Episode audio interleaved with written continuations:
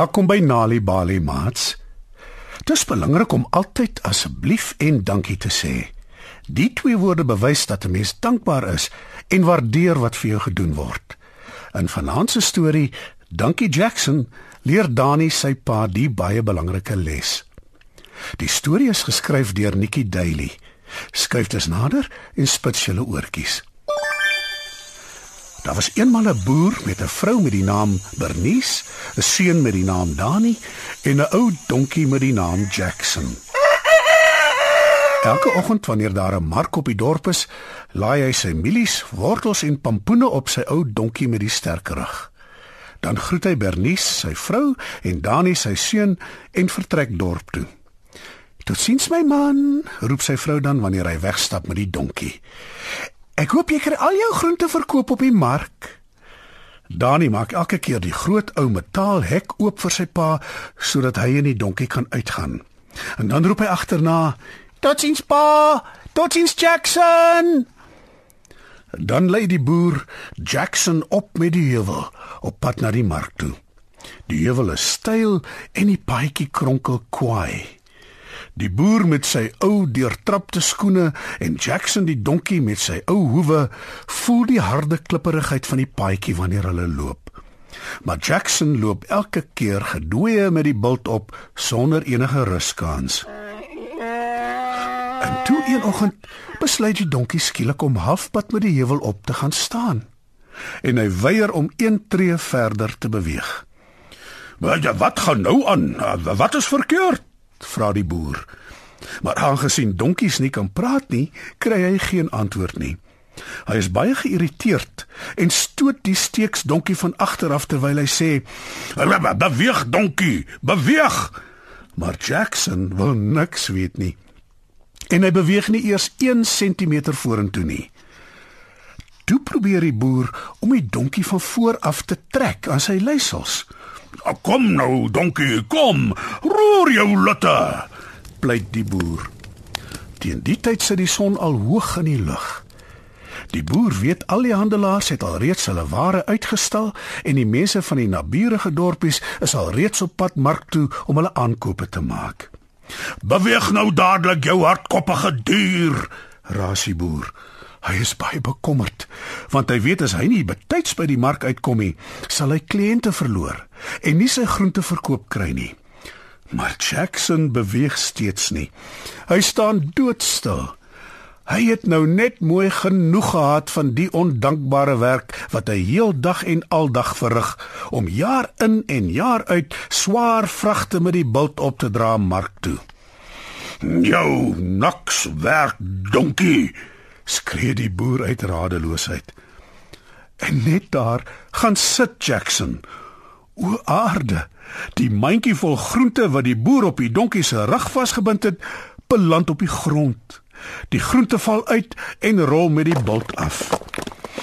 Die boer kyk woedend rond vir iets waarmee hy die donkie kan slaan totdat die hardnekkige dier opstaan. Hy hoef nie ver te kyk nie, want 'n paar tree weg is daar 'n boom met net die regte soort takke wat kan buig om 'n goeie sterk sweep te maak. Die boer pluk so 'n tak en trek die blare af. En dan draai hy na Jackson toe en dreig. Ek tel tot 10. As jy nie op is teen die tyd nie, slaan ek jou met die sweep totdat jy opstaan. Hoor jy my jou nuttelose donkie? Maar aangesien Jackson nog nooit van tevore 'n sweep gesien het nie, gee hy net 'n minagtende snorkgeluid en bly rustig sit. Toe begin die boer tel. 1 2 3 4 Heel onder aan die bult by hulle huis sien Bernice, die boer se vrou, wat aan die gebeur is. "Dani," roep sy. "Gaan help tog asseblief jou pa met die donkie. Ek kan van hier af sien daar's moeilikheid." "Goed, mamma," antwoord Dani. "Dankie seun," sê sy ma. Dani begin dadelik by die heuwel opdraf. Hy ken die paadjie goed en kan dus baie vinnig oor die klippe beweeg. Hy draf en hy spring oor die groter klippe sonder om een keer stil te gaan staan. Voor hom kan hy sien hoe sy pa die sweep dreigend voor Jackson se neus swaai. 5 6 7 tel die boer luidkeels. Sy geduld met die donkie is nou heeltemal op.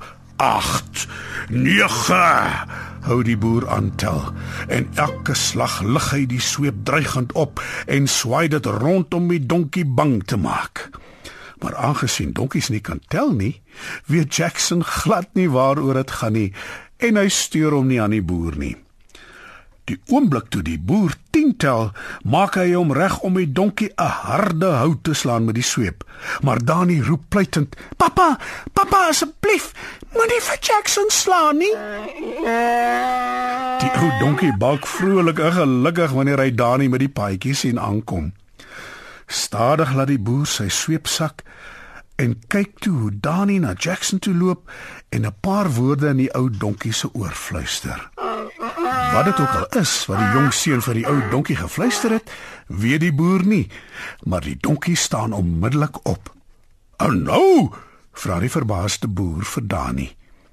"Wat het jy vir die hardnekkige dirasie gesê om hom so ver te kry om sy lui agtersteewe te lag?"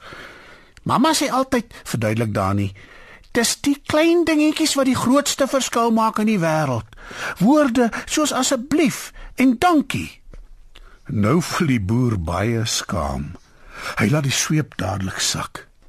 Die boer besef in al die jare wat sy ou donkie Jackson soveel swaar vragte mark toe gedra het, het hy hom nie eers een keer bedank nie. Sonder om 'n woord verder te sê, tel die boer in Dani die groente op. Hulle laai daarvan op Jackson se rug en dra self die res na die mark toe. Met die gedeelde vrag gaan dit vinnig om met die bult op te loop tot by die mark. Die boer begin selfs vrolik te sing. Dani sing saam en ou Jackson klap sy ore en balk gelukkig. Binnekort daag hulle by die mark op waar die ander handelaars hulle vriendelik groet. "Nou se daar begin wonder waar is jy?" sê 'n man met 'n helder voorskoot wat besig is om hoendervlekkies en wors te braai. "Hallo Dani!" roep 'n groep kinders wat hom ken omdat hulle saam op skool is. Hier is 'n lekker plek in die koelte. Ek het dit vir jou gehou, sê een van die oumas wat pragtige sakke en mandjies verkoop wat sy self maak. Dankie, sê die boer. Hy begin dadelik sy mielies, wortels en pompoene uitpak in die skaduwee onder die boom. Kom Jackson, sê Dani en lei die donkie na 'n lappie gras waar hy heerlik kan rus en wei. Teen die einde van die dag is al die groente verkoop. Die boer roep sy jong seun Dani en sy ou donkie Jackson. Hulle loop terug huis toe waar sy vrou Bernice hulle inwag met 'n heerlike aandete. Hulle ruik die heerlike geure wat uit die huis uit na hulle toe aangewaai kom in die soel aandlig. Op die werf pik pik die hoenders ook aan hulle mieliepikke. Hulle is baie tevrede en rustig. Ek dink ek is net so honger soos die hoenders, teg Dani. Nou toe, gaan was dan gou jou hande en kom eet, sê sy mamma. Die kos is op die tafel.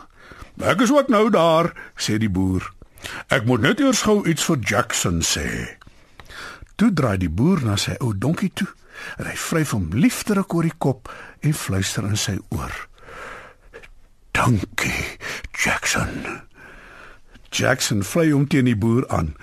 Hy is baie gelukkig want hy weet nou die boer waardeer wat hy alles vir hom doen. Dit is iets wat ons almal gerus altyd kan onthou om asseblief en dankie te sê. Nie alleen is dit goeie maniere nie, dit maak ook ander baie gelukkig om te weet ons gee om en ons waardeer wat hulle vir ons doen. Wanneer kinders tuis stories hoor, help dit hulle om beter leerders te word op skool. Vir meer stories om vir kinders voor te lees of vir stories wat kinders self kan lees, besoek ons by www.nalibali.mobi. Daar is heelwat stories in verskeie tale absoluut gratis beskikbaar. Daar is ook wenke oor hoe om stories vir kinders te lees en met hulle te deel sodat hulle hulle volle potensiaal kan ontwikkel. Nalibali is ook op Facebook. Story Power. Bring dit huis toe.